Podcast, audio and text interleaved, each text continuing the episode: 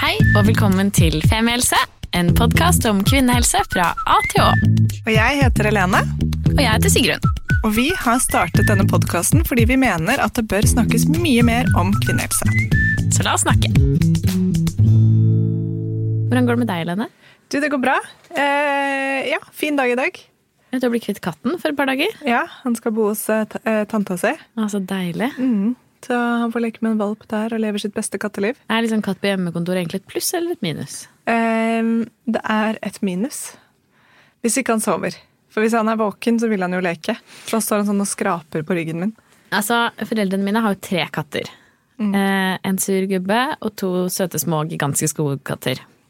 Og han mener at det er et fenomen på hjemmekontor eh, at katter er veldig opptatt av videomøter. Sånn at hver gang han har et videomøte med mennesker som har katt, så liksom hopper disse kattene frem og skal opp på fanget, og liksom det er sånn veivende kattehaler i bakgrunnen. Og det, det er et eller annet som skjer, da. Ja, han liker, altså det Felix liker ikke at jeg har oppmerksomheten min på noe annet enn han. Nei. Men han, det gjør han med mobiltelefonen også. Hvis jeg sitter og tekster, eller noe sånt, så går han liksom på den. Han blir dritirritert. Så det er jo, jeg, jeg tenker at det har vært veldig mye med at du gjør noe enn å ikke liksom please dem. Ja, kanskje, Og at de liksom ikke skjønner at det er et annet menneske der. på en eller annen måte. Nei. Jeg synes i hvert fall Det der var veldig fascinerende. Ja. Så hvis det er noen som har lignende erfaringer med katt- og videomøter, send oss gjerne en melding på Instagram at femihelse. Yes. Ja, det var min lille Det var, det var dagens intro. ja. Ja. Veldig fint. Skal vi begynne på ordentlig? Ja, la oss gjøre det. Ja. Vi skal jo faktisk snakke om medfødt hjertefeil. Og dette er en av de episodene, vi har noen av de, som er et eh, produkt av Instagram. Hvor vi fikk en melding eh, hvor det var noen som sa kan dere ikke lage en episode om dette? Eh, vi vet hvem dere burde kontakte, og vi kan egentlig stille opp med ganske mye greier her. Og vi var sånn ja, selvfølgelig. Så dette er et bevis på at det fungerer, dere. Ja. Send oss meldinger. Med I hvert fall med eksperter. eksperter og masse informasjon, så sier vi hell yeah. Ja, det er det vi gjør da. Så bra. Så eh, vi kan jo vi får, Dette er virkelig et tema jeg kan lite om, så vi stiller ganske blankt her. Så vi kan jo begynne med å ønske eksperten vår velkommen. Velkommen, Mette. Tusen takk. Kan ikke du begynne med å introdusere deg selv? Jo, eh, jeg heter Mette Stensen. Eh, Jeg er overlege på Rikshospitalet og er da kardiolog. Og jobber da spesielt med voksne med medfødt hjertefeil, ikke barn.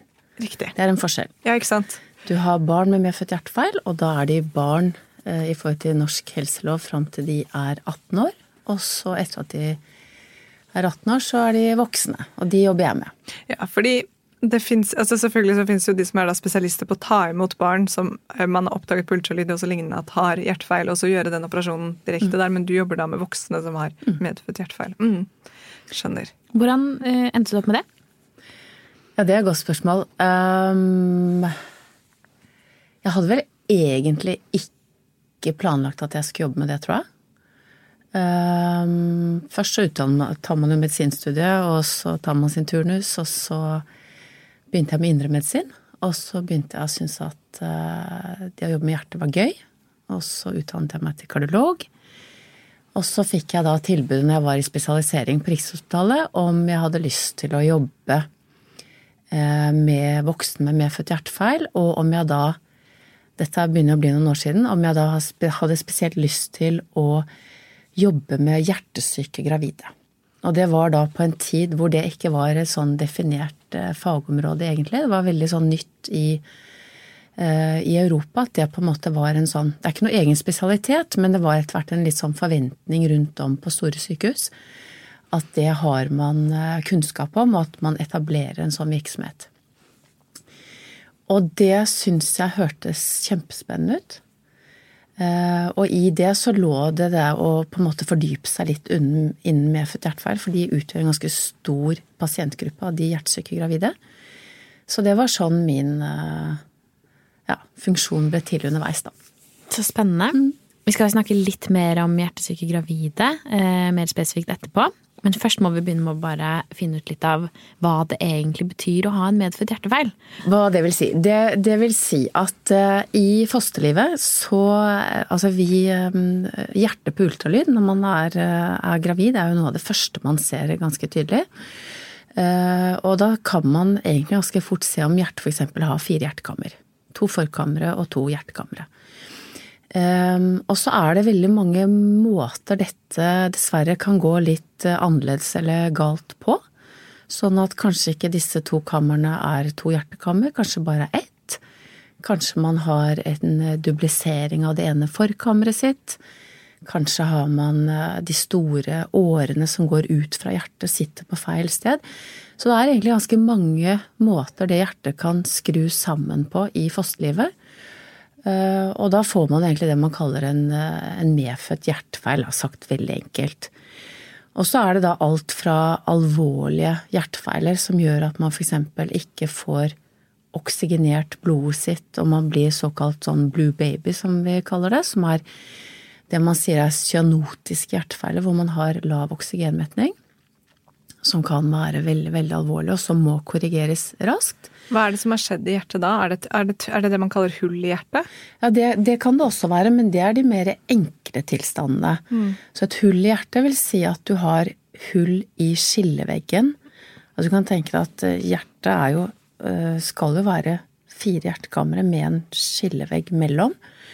Eh, og den kan det være hull i. Både mellom disse forkamrene og hjertekamrene kan det være hull. Fordi dette Blue Babies, det er nemlig en uh, i familien min som fikk en sønn med hjertefeil, hvor de sa for liksom x antall år siden så hadde dette mm. vært en sånn Blue Baby. Og det som, mm. som skjedde da, er jo at babyene ikke får uh, altså nok oksygen, så de blir rett og slett blå etter ja. en stund. Ja. Og, og, kveles på en måte, da. Fordi hjertet ikke funker. Stemmer det? Ja, det er veldig sånn dramatisk sagt, da. Ja. Dette er jo noe som da uh, Da har man jo gjerne at man har to atskilte kretsløp. Ehm, og de må henge sammen for at man skal oksygeneres på riktig måte og ikke bli blå. Og dette oppdages jo da eh, så å si alltid veldig raskt, sånn at man blir raskt korrigert, da. Det vil si at man blir operert tidlig. Ja. Og det er de mest alvorlige hjertefeilene. Men oftest nå så oppdages det veldig ofte på ultralyd? Ja, det kan det gjøre, faktisk. Ja. Og så er det noen som man oppdager det ved at man ser at babyen blir blå, men hvor lenge kan du da leve med det uten å få behandling? Med de alvorligste hjertefeilene så mm. kan du ikke leve lenge. Nei. Nei. Da må du korrigeres raskt. Mm. Mm. Altså dager eller uker, liksom? Eller timer? Hos noen har det snakk om uker, faktisk. Ja. Mm. Jeg bare ville oppklare hva Blue Baby, eller hva, ja. hva jeg hadde hørt om det, og hva, ja. om det stemte. Mm. Men så har man jo også da tilstander hvor man f.eks. da etter hvert har en dårlig oksygenering, og man får et lavt eh, sturstoffmetning, som er det som gjør at man blir eh, blå på fingre, blå på lepper. Altså det er en veldig uttalt tilstand når man er, er, blå i ansiktet. Det er jo når man er altså, nyfødt. Eh, men, men det, det er noe som man kan leve med uten at man er korrigert. At man f.eks. har lav oksygenmetning. Snakk om kanskje ned på 90-tallet, ned på 85 eh, Og ha det helt ok, eller fint, bra. Eh, mens de vi snakker om, disse babyene som er blå, det er liksom de aller, aller mest alvorlige hjertefeilene mm. som må opereres da, mm. for at man skal klare seg. Men det er en del som også kan leve fint med hjertefeilen sin, er det ikke det? Ja. Ja. Det er veldig mange. Um, og det er jo litt av det som er min jobb, da. Heldigvis. At uh, det vi ser, er jo at uh, veldig mange av de barna som fødes, de fanges opp tidlig i Norge. Og de opereres raskt. Og vi har veldig gode hjertekirurger i Norge som er flinke barnehjertekirurger. Uh, som gjør at disse barna korrigeres vellykket og følges tett og kanskje har gjentatte kontroller og operasjoner, som vi kanskje får høre om etterpå. Ehm, og som også etter hvert får god medisinsk behandling. Og sånn at veldig mange av disse barna lever opp til voksen alder, som gjør at jeg har en jobb å gjøre. Vi har veldig mange voksne som går rundt med medfødt hjertefeil. Og som lever Veldig mange av de lever ja, normale eller tilnærmet normale liv. For selv om man blir operert som liten, så betyr det ikke nødvendigvis at man er frisk. Nei. Eh, det er jo noe som man sa tidligere, så hadde man visse typer hjertefeil, sånn som f.eks. det du nevnte i sted med hull i hjertet. Så sa man at når du ble korrigert eller operert for det, når dette hullet ble tettet, så var du frisk. Hvis du f.eks. hadde noe som kalles en koaktasjon, som gjør at du har en innsnevring på hovedpulsåren, og du fikk den operert, så ble det også sagt at du var frisk. Eh, det sier vi ikke lenger. Eh, det vi ser, og som vi får mer erfaring med, er jo at en del utvikler senkomplikasjoner. F.eks. rytmefeil eller for høyt blodtrykk, andre tilstander som har sammenheng med deres opprinnelige tilstand. Og det gjør at i dag så følger man de aller, aller fleste gjennom hele livet. Så det er et livsløp for de aller fleste som blir født med en medfødt hjertefeil. Det høres jo veldig trygt og fint ut, da. Ja, og der er vi heldige i Norge, da, for vi har personnummer, vi er et lite land. Vi har god oversikt. Det er lett å, når man først har kommet inn i et system, å ha regelmessige kontroller og egentlig få den tryggheten. Der tror jeg Norge er eh, egentlig ganske langt framme. Mm. Så bra.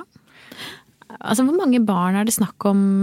Går det an å si noe om det? Hvor mange enten prosentvis, eller som, som uh, fødes med dette? Ja, vi sier uh, vanlig, Tidligere så sa vi 0,8% Vi sier 1 uh, cirka i året som fødes med det. Og det vil si at i forhold til antall fødsler i Norge, så er det ca. 500 barn i året som fødes med medfødt hjertefeil. Og da har vi jo alt fra å ha kanskje et lite hull i hjertet eller en hjerteklaff Eh, med en liten feil som kanskje ikke betyr så mye, til de aller, aller mest alvorlige, sånn som vi snakket om i sted.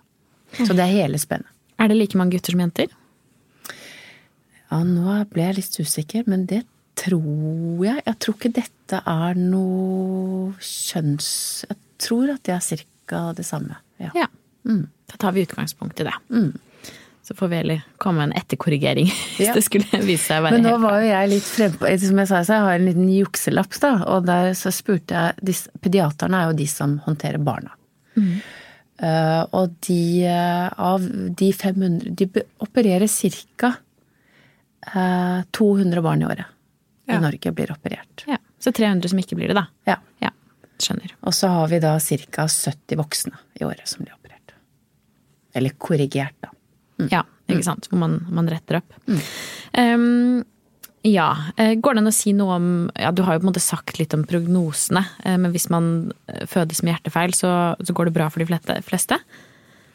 Ja, det går bra for de aller, aller fleste. I dag så gjør det det. Man mm. har, altså man har korreksjonsmetoder for de aller fleste typer medfødt hjertefeil. Tidligere så var det jo de som ble født med det vi kaller enkammerhjerte. Eh, de ble jo da sendt utenlands for å bli, bli, korrigert. Det gjør man ikke lenger. De opererer man også i Norge. Så jeg vil nok si at de aller fleste barn som blir født med det, blir operert. Så godt å høre. Mm. Er, det, er det sånn når du Altså, er det kategorisert sånn at det fins liksom ti hjertefeil, eller hundre, eller fem? Eller altså, hvor mange hjertefeil fins det? Er det kategorisert sånn, eller er man så forskjellige? Nei, det er eh, kategorisert. Eh, så vi har liksom Man sier sånn veldig sånn eh, røftlig, da, så sier man kompleks og ikke komplekse medfødte hjertefeil. Og så sier man, at kan man dele inn i de som gjør at man blir for lav oksygenmetning, som vi snakket om i sted. Eh, hvis man ikke blir operert. Eh, og så kan man da dele inn i, fra de alvorlige til de aller enkleste. Så det gjør man. Det som ofte er, viser seg, er at man gjerne kan ha flere typer hjertefeil. Da. Hvis man først har én? Ja, hvis man først har én. Har man f.eks. en sånn som heter Altså en, en aortaklaff, altså klaffen fra hovedpulsåren, eller inn i hjertet, den skal egentlig ha Se ut som en Mercedes-stjerne, sier vi. Den skal ha tre seil. Og hvis den ikke har de tre seilene, hvis den bare har to f.eks., da er det en bikuspid-klaff.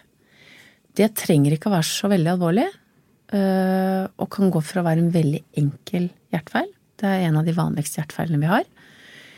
Det øh, trenger ikke å bety noen ting, men den kan også være hos noen i sammenheng med at de har andre typer hjertefeil. Og da vil den kanskje være en alvorlig hjertefeil. Mm. Um, for uh, de som lever med dette her, uh, voksne som barn, altså, kan man merke det på noen måte? Om vi merker det, eller de? Nei, om de merker det selv. De Ja. Um, Da tenker du de som ikke blir fanget opp når de er barn? Ja, eller som lever med en hjertefeil, da. Ja, det er eh, faktisk ikke så uvanlig. Ehm, da snakker vi selvfølgelig ikke om de alvorlige feilene ikke sant, som man oppdager Nei. når man er spedbarn. Nei, nå tenker jeg mer på de som lever med en medfødt hjertefeil. Det kan Ja. gjerne være oppdaget. Ja. Eh, Men liksom, kjenner man det på noen måte? Altså sånn, enten i hjertet eller altså, i, i kroppen på en eller annen måte? Ja, altså noen av de merker kanskje tilnærmet ingenting. Ser på seg selv som frisk, vil ikke være medlem av en forening, vil ikke eh, høre snakk om det. Mens andre lever jo med dette daglig og har f.eks. mye hjertebank, tung pust, blir fort sliten, klarer ikke jobbe 100 klarer ikke fullføre skole. Så der har man på en måte hele spekteret, da. Fra alt til å kanskje nesten ikke registrere at man ble operert som barn, f.eks. Og så, nå jobber jo du med voksne, så dette er et spørsmål om For det jeg lurer på, Nå sitter jeg bare og tenker og tenker høyt her, men eh, ganske mange hjertesykdommer eller tilstander er jo forbundet med livsstil. Sånn røyk eller eh, dårlig mat, kosthold, altså den biten der. Men er det noen hjertetilstander som du kan på en måte vokse på deg, som ikke er medfødt, men som kommer liksom i voksen alder, som ikke har med livsstil å gjøre, men som bare er sånn hjertet ditt utvikler seg rart? Eller er det da en medfødt hjertefeil? Um, Altså, Dette har vi ikke sendt inn på forhånd, så dette var noe jeg satt og tenkte på nå. for nei, men jeg må bare tenke meg litt, fordi du Man snakker jo om medfødt og ervervet. Ikke Ja. sant? Og ervervet er jo det du på en måte får etter hvert, f.eks. ved livsstil, som du sier. Ja. Sånn kransårsykdom fordi du røyker, spiser for mye, trener for alle disse tingene som vi vet. Um, og så har man eh, en annen type hjertefeil som heter dette som er det vi kaller kardiomyopatier. Som betyr at hjertemuskulaturen endrer seg, at hjertemuskulaturen vokser. Og da kan man enten ha det ved at selve hjertekammeret blir større, eller at muskulaturen blir tykkere. Men det er også i de aller fleste tilfeller en tilstand som er medfødt. Så du egentlig er medfødt, men du var ikke klar over det? Nei. Og kan du trene det på deg, f.eks.? Altså Ja. at du trener for hardt og for mye, og da Ja. Det er jo en av de tilstandene som de som jobber med kardiomyopati eh, har som pasienter hos seg. Det er det vi kaller idrettshjerte. Og det kan noen ganger være litt vanskelig å skille fra en sånn type kardiomyopati hvor hjertemuskulaturen vokser. For det man ser, er at personer som trener på et veldig høyt intensitetsnivå over lang tid, har økt risiko for å utvikle sånn type idrettshjerte, som vi kaller det. Ok. Men da er det av og til også at de kan ha en sånn De kan også egentlig ha en medfødt hjertefeil? Ja. De kan også ha Altså det. de kan være disponert for at det, Ja, jeg skjønner. Ok. Um, så disse 70 voksne som, som eh, opereres i Norge i året, hva er det de da opereres for, eller korrigeres for? For eksempel så kan det være dere, Du spurte jo i sted om, om kan det være sånn at man, om man kanskje ikke kjenner det. Um, vi hadde for noen ja, par uker siden en ung jente som var gradvis blitt mer og mer tungpusten, veldig fysisk aktiv, trent hele sitt liv, vært i, i, i fin form, og så siste året kanskje begynte å hangle litt. Og familien begynte å reagere og lurte på om dette kunne være kyssesyke, kunne være andre ting. Og som da ble henvist og utredet, og hvor man da fant et hull i hjerteskilleveggen mellom forkammerne. Ehm, Det er ett eksempel. Vi ser også at for eksempel, det skal vi kanskje snakke mer om etterpå, dette med svangerskap, at kvinner kan ha en hjertefeil som kroppen har tålt lenge, helt til man f.eks. da blir gravid, hvor blodvolumet og kroppen endrer seg, og på en måte kroppen krever mer, og så plutselig viser det seg i form av at man blir tungpusten på et nivå som på en måte ikke henger sammen med et normalt svangerskap. Da kan man plutselig oppdage hjertefeil. Og så har vi jo dette med en del eh, kvinner som kommer til Norge, eller ikke bare kvinner, kvinner og menn, eh, innvandrere, asylsøkere, som kommer kanskje fra land hvor dette er veldig underdiagnostisert og en veldig mye dårligere helsevesen, og som da kanskje viser seg i voksen alder. Ja, ikke sant, Som har hatt en hjertefeil som kanskje her eller et annet land med diagnostisering når du blir født eller ultralyd, ville sett det. Men så har man levd lenge med det. Mm. Så det du spurte om, da, da vil jo de ha sin førstegangsoperasjon i voksen alder. Riktig. Men så vil vi også kanskje da ha eh, La oss si eh, en som har blitt korrigert for et sånt hull i skilleveggen. Blir voksen, begynner å føle seg dårlig, kanskje litt mer tungpusten. Kanskje faller i oksygenmetningen de belaster seg. Kommer inn til kontroll, og da kan man plutselig se at det er en det vi kaller en sånn restlekkasje. At det hullet kanskje ikke er så tett som vi en gang trodde det var. At det har blitt en lekkasje der. Og så må vedkommende opereres på nytt. Mm. Så det er relativt mange med medfødt hjertefeil som opereres flere ganger i voksen alder. Dette her er et veldig vanskelig spørsmål, kanskje, men jeg kaster det ut der, for jeg sitter og tenker på dette med at hjerteinfarkt hos menn og kvinner har ulike symptomer, eller kan ha det, og at kvinner har disse utypiske symptomene. Vil en sånn medfødt hjertefeil arte seg ulikt hos menn og kvinner i opplevelsen av det, eller sånn som den unge piken som oppdaget at hun hadde en hjertefeil fordi de trodde at hun hadde kyssesyken typ. Tror du det kunne opplevdes annerledes hos en gutt på hennes alder, eller er det ikke nok liksom, data til å si noe om det, eller vet det? Er det kanskje ikke sammenlignet nok? Jeg tror ikke det er sammenlignet nok, men øh, For jeg tror det har vært relativt lite fokus på det. Det du snakker om, er jo spesielt dette med brystsmerter hos kvinner når det gjelder angina og hjerteinfarkt. Kvinner og menn, at det oppleves forskjellig. Jeg tror at, og min erfaring eh, med Vi har jo mange ungdommer ikke sant, når de kommer over sånn 18-20 år. Det er at dette oppleves relativt likt. Ja. ja. Ok, ja, men Det er bare fint å vite. At det ikke var sånn jo, jo, nei, for kvinner så er det Nei. veldig ofte ja. mm, Det, har, det er ikke mitt inntrykk, i hvert fall. Nei. Nei. Greit. Ja. Da er det vel kanskje naturlig å gå over til eh, den veldig femihelsete delen av dette. Eh, som vi skal snakke om også dette med, med svangerskap og fødsel. Um, ja, du nikker. Skal vi da introdusere gjest nummer to? Jeg syns jo det. Ja, Ja. hopp i det.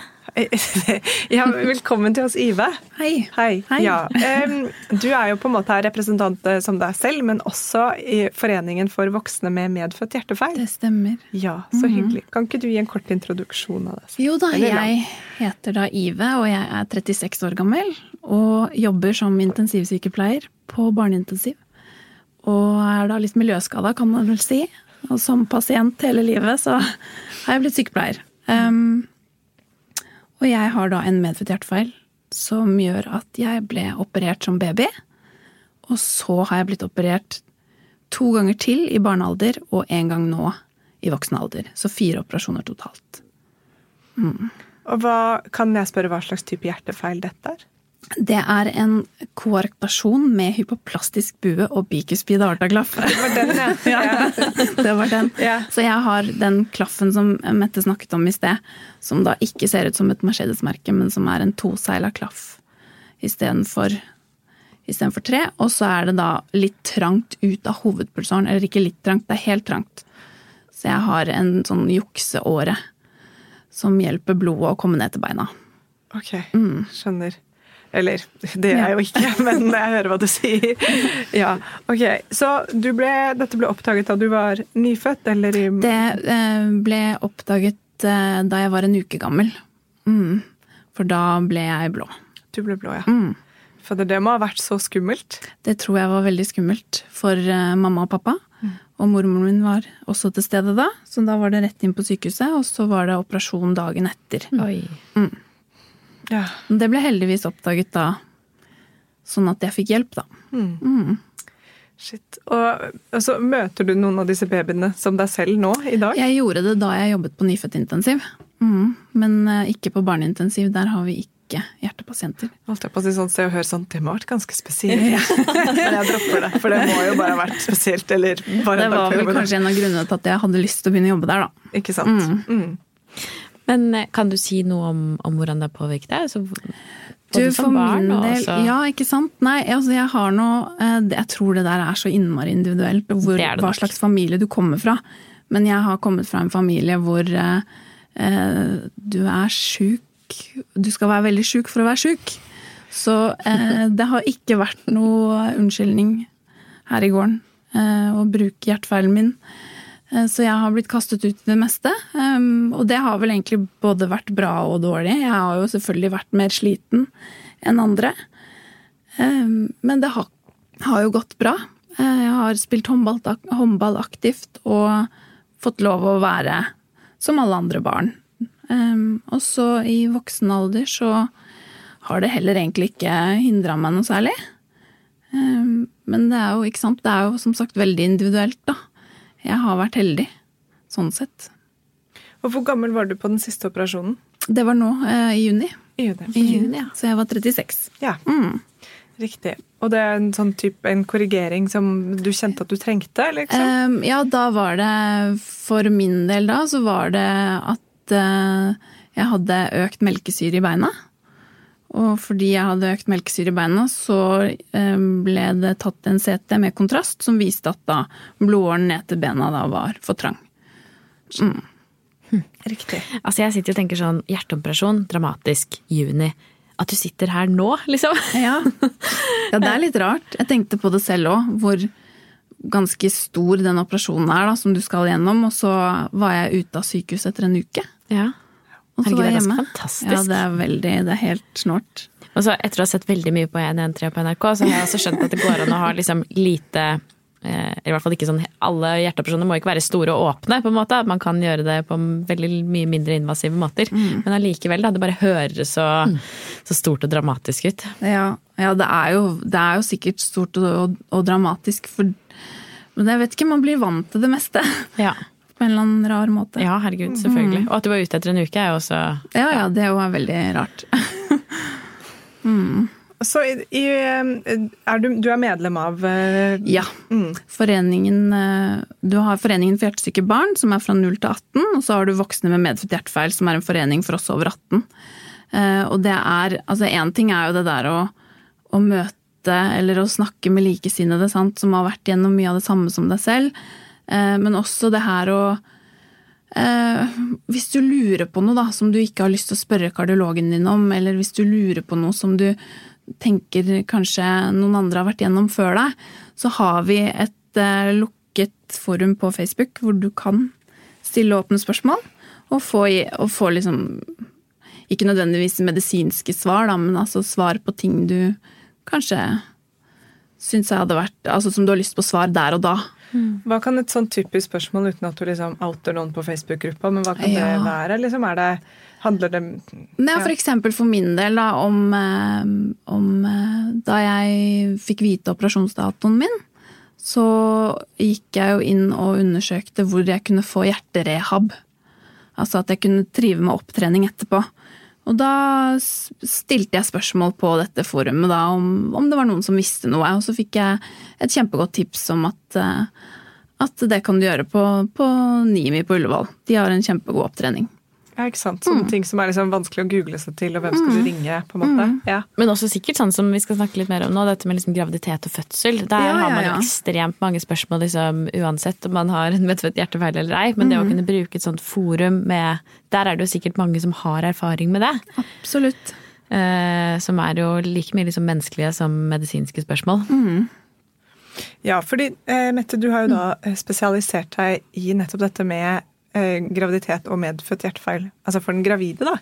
Hva, hva, hva må man ta hensyn til da? Eller hvordan Er det sånn at man skal planlegge graviditeten, eller hva er liksom Er det noen spesielle risikoer?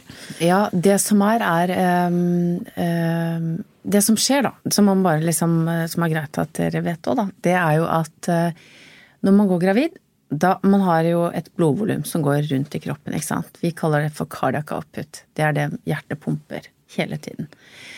Og det er sånn at det øker 30-50% Så Hvis man vanligvis, eh, dere to pumper 3,5 liter per minutt, så går det kanskje opp til 5-6 liter per minutt. Det er ganske mye. Det er så sprøtt. Ja, det er helt sprøtt. Sånn er det. Og sånn er det for at eh, morkaken og babyen skal vokse. Og så øker hjertefrekvensen, altså hvor fort hjertet slår. Og så er det sånn at samtidig som dette skjer, så utvider årene i kroppen seg.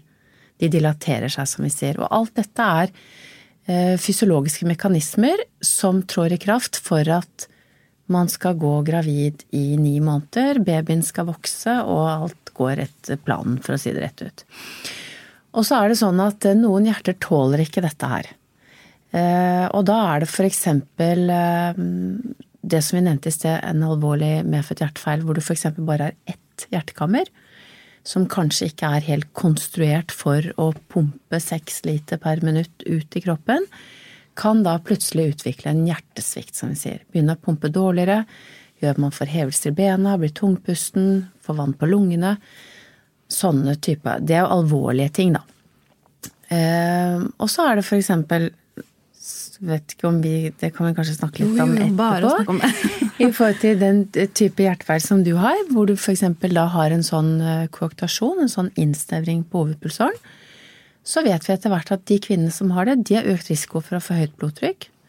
De har økt risiko for å få svangerskapsforgiftning. Og når vi vet disse tingene, så vet vi litt hvordan vi skal følge det opp, og hvordan vi skal planlegge. Så det er litt på en måte det som er min jobb. Det er eh, Rikshospitalet har nasjonal behandlingstjeneste for hjertesyke gravide, og det vil si at de aller sykeste som blir gravide, de skal til Rikshospitalet og følges opp, og de skal føde der. Eh, og da har man eh, en sånn tverrfaglig kompetanse som gjør at man har jordmødre, sykepleiere, anestesileger og ikke minst da fødselsleger som er trenet i å håndtere kvinner med ulike former for hjertesykdom. Og så legger vi en plan for dem. Og det har gjort at de aller fleste, tør jeg påstå, kan nesten alle med en eller annen form for hjertefeil kan bli gravid. Det er veldig, veldig mange som kan bli det med den oppfølgingen vi har i dag, og den behandlingen vi har i dag.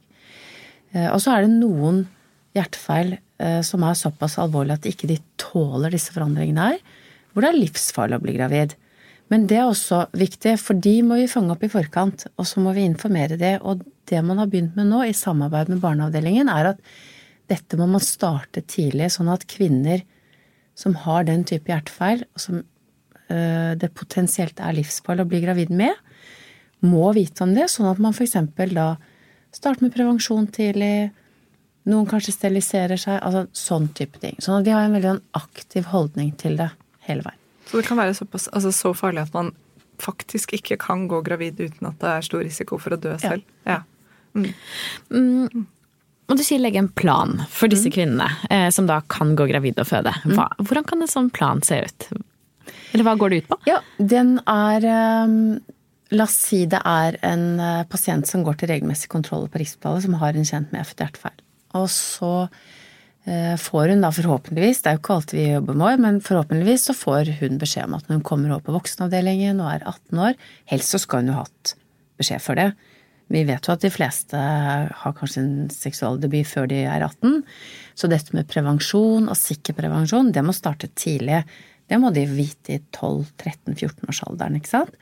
Sånn at man skal unngå uønskede svangerskap, og at man da skal kunne planlegge ordentlig når de ønsker å bli gravide.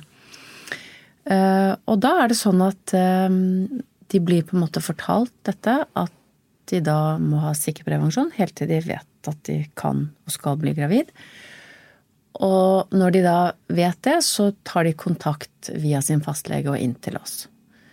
Eller sitt lokalsykehus. Det er litt avhengig av hvor alvorlig hjertefeil de har, da. Eh, og så er det da gjerne sånn at vi ikke ser pasienter før det har gått tolv uker. Det er jo veldig mange som aborterer før uke tolv.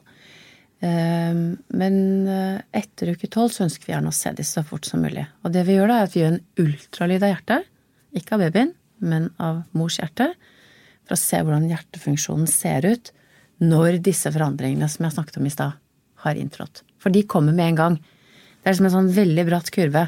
Første trimester så skjer alt dette. Og så legger det seg på en sånn platåfase, og så går de, ruller og går de neste ukene.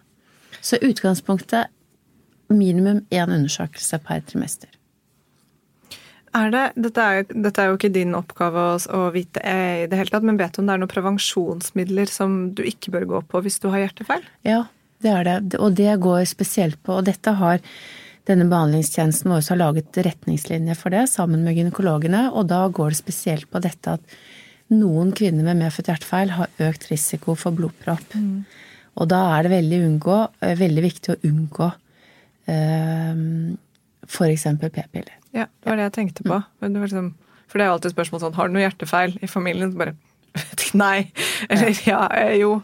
Ikke sant? Det er jo, man svarer jo litt det man tror. Men hvis du har medfødt hjertefeil, så er det ja, jo, da skal du ikke ta det. Nei, Mm, og det er jo sånn ting disse unge jentene skal vite, da. Dette skal man egentlig bli fortalt ganske tidlig. Mm. Ja. Ble du fortalt det? Eh, Etter hvert så ble jeg fortalt det, Mm. eh, og da var det bare å slutte med en gang. Ok, så du Så du rakk å begynne? Ja, da jeg har gått på p-piller i mange år.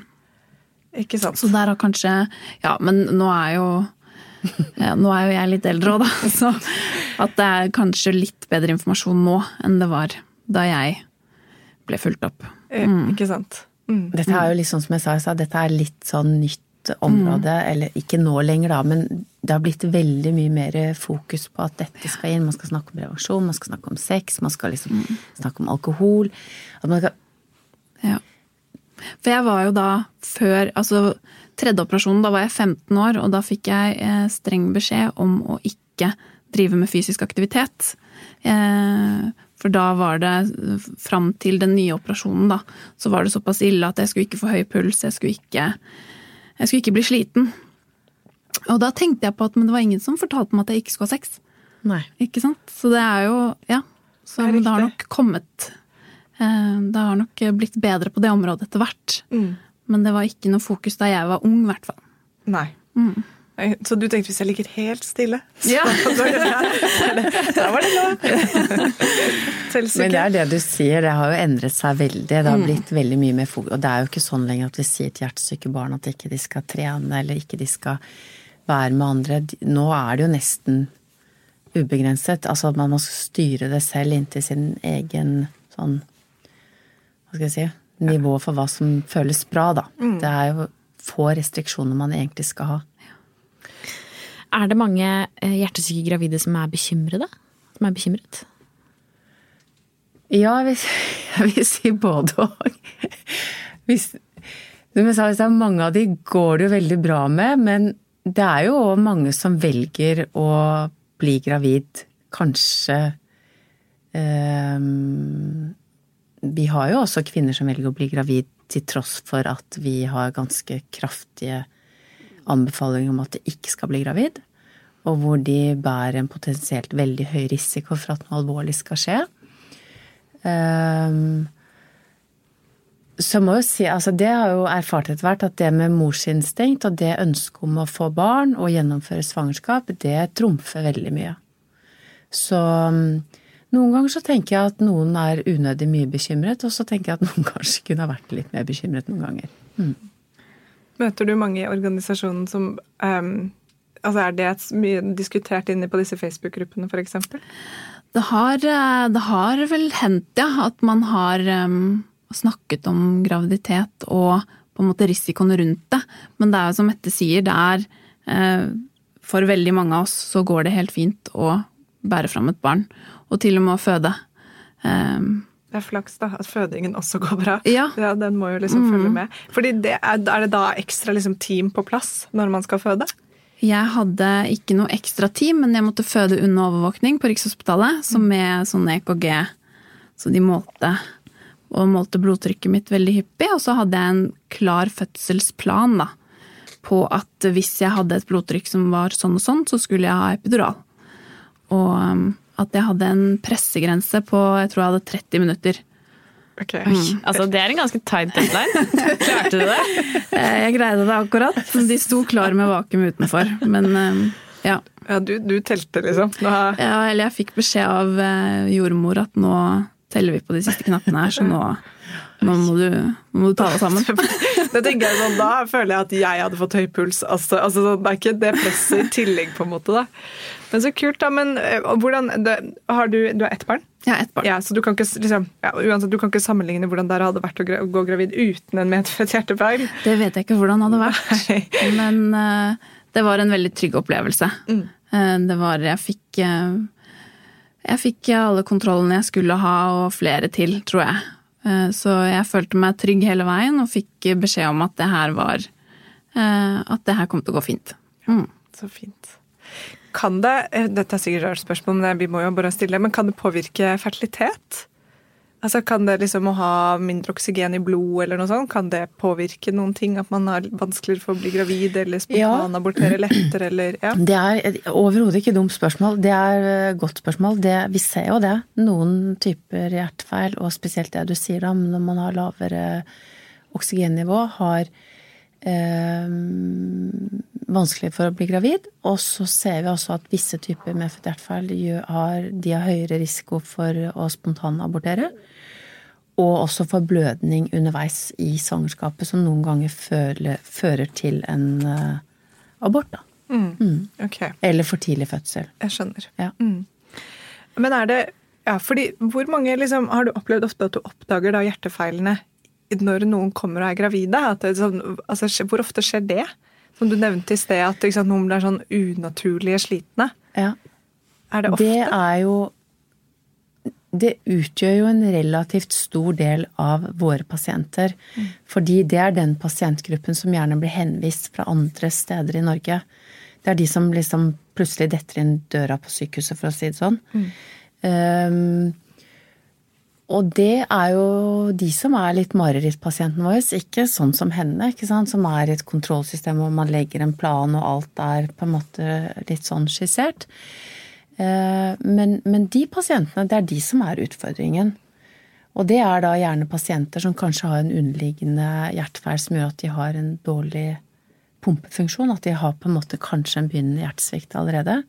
Og da tåler ikke de den der store volumforandringen som skjer eh, i blodet. Eller at man f.eks. har motsatt av det du har, da, med at man har en utvidet hovedpulsåre. Eh, de har jo en økt risiko for at denne skal utvide seg enda mer under svangerskapet. Sånn at um, vi får pasienter inn døren som ikke har en plan, mm. og hvor det blir oppdaget. Og litt sånn som jeg sa innledningsvis um, Asylsøkere eller innvandrere til Norge som ikke har erkjent hjertefeil, men som viser seg i svangerskapet. Det er ikke så uvanlig, faktisk. Mm. Mm. Riktig. Mm. For deg gikk det jo bra å føde da, Ive. Det gikk bra. Um, men er det en spesiell risiko da også? Under fødselen? Uh, det trodde vi veldig lenge. Og det var vi Man tenker jo alltid det. Alle som har sett noen føde eller har gjort det, det selv, tenker jo at det er jo da alt skjer, liksom. Og, ja. Men, men, eh, det er det faktisk ikke. Den største utfordringen den er underveis i svangerskapet og faktisk for noen type hjertefeil i første tiden rett etter fødselen. Når alt skal normalisere seg igjen.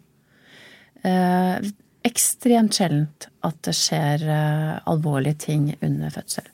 Bra, da. Så det er ikke mange som må ta keisersnitt, f.eks.? Nei, det, nå er det jo sånn der at de som vi er aller mest redd for, og som vi eh, kanskje i, i, en del tilfeller så er det jo sånn at man følger et svangerskap, og så kommer man la oss si til uke 30-32, og så ser man at dette begynner Her begynner ting å gå dårlig. Kanskje vi kan trekke dette et par uker til. For det som er utfordringen innen det faget her, er jo at du har barnet å ta hensyn til på ene siden, ikke sant, og så har du mor. Og da er det sånn at det er alltid mors helse som skal trumfe. Hun er viktigst, ikke sant. Eh, men så må man da kanskje si etter hvert at nei, dette går ikke lenger. Her må vi forløse før tiden. Og da er det jo et keisersnitt mm. som man må gjøre. Ja, Man blir ikke da igangsatt på nei, andre måter? Veldig sjeldent. Ja. Mm. Da er man gjerne kommet langt, eh, pluss at man helst da gjerne har født barn før. Fra tidligere. Ikke sant. Ellers så kan det ta veldig lang tid. Men det er jo fint, da. At man kan få føde på vanlig måte. Ja. Hvis man vil det. Mm. og som du sa, du hadde ikke et helt team rundt deg. Vi prøver jo ja, å Ja, nei, det var veldig Hva skal jeg si, nå vet jo ikke jeg hva som er normalen, men det føltes veldig normalt med en jordmor til stede, og pappa fikk være der, og, eh, og det var liksom Ja, kom inn en barnepleier, og alt var veldig fint og flott. Men det skal sies at da jeg var gravid, hun ble jo sjekket ekstra nøye. De sjekket hennes hjerte ekstra nøye. For kan det være arvelig? Eh, det, det må nesten Mette svare på, ja, men det er det. Eh, litt. Det er ikke veldig høyt. Vi sa at 1% fødes i befolkningen med medfødt hjertefeil. Og så anslår man at kvinner selv med medfødt hjertefeil har mellom en ja, 3-5% økt risiko okay. for å få et barn med hjertefeil. Skjønner. Relativt sjeldent. Mm.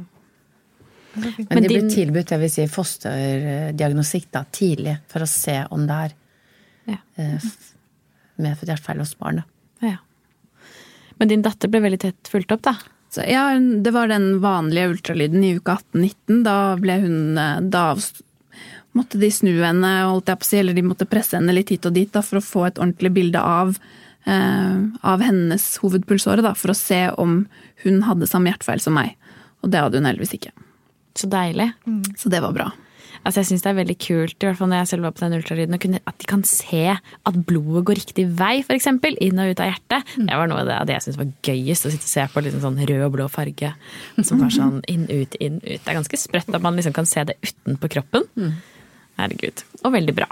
Og veldig bra. Ja. Så fint. Um, begynner vi å nær- rappe det opp litt her? Er det noe vi har eh, dere vil legge til før vi Jeg vil i hvert fall gjerne si det til alle der ute med medfødt hjertefeil som ikke vet hva voksne med medfødt hjertefeil er. At de går inn på vmh.no, og så ser de eh, hvordan eh, voksne med medfødt hjertefeil jobber da for økt forskning rundt området, sånn at vi kan få bedre livskvalitet og bedre oppfølging. Og at eh, ja, at det er, eh, at det er et sosialt eh, nettverk der ute som kan gi noen svar på, på spørsmål om man har det.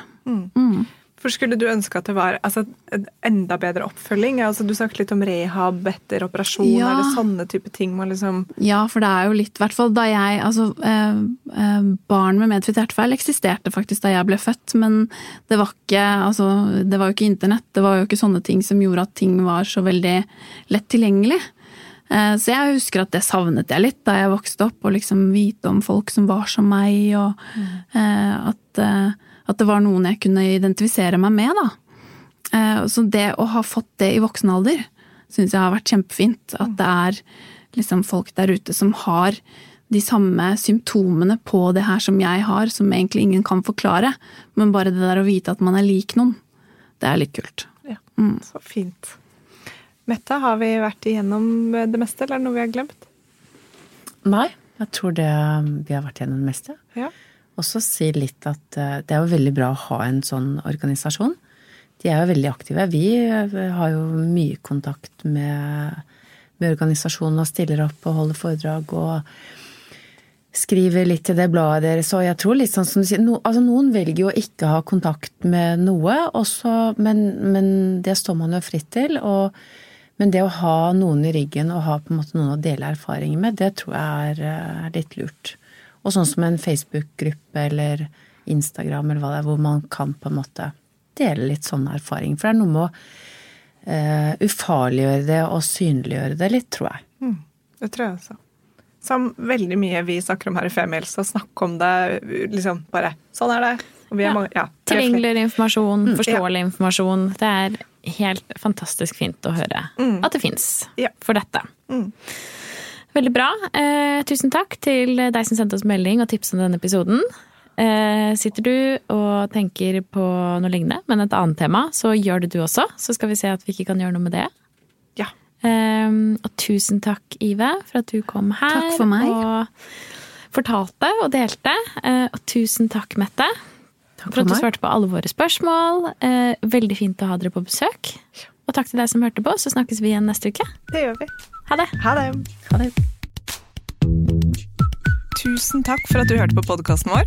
Selv om det forhåpentligvis kommer tydelig frem, så vil vi understreke at vi ikke er helsepersonell. Ja, så som vanlig, kontakt legen din om du har noen spørsmål, eller om du skal begynne på noen form for behandling. Og har du et tema som du har lyst til at vi skal snakke om, eller noe ris eller ros, så send oss gjerne en melding på Facebook eller på Instagram. Der finner du oss under Femihelse. Og du kan gjerne rate oss på iTunes, det er skikkelig hyggelig for oss. Ha en fin dag! Ha en kjempefin dag!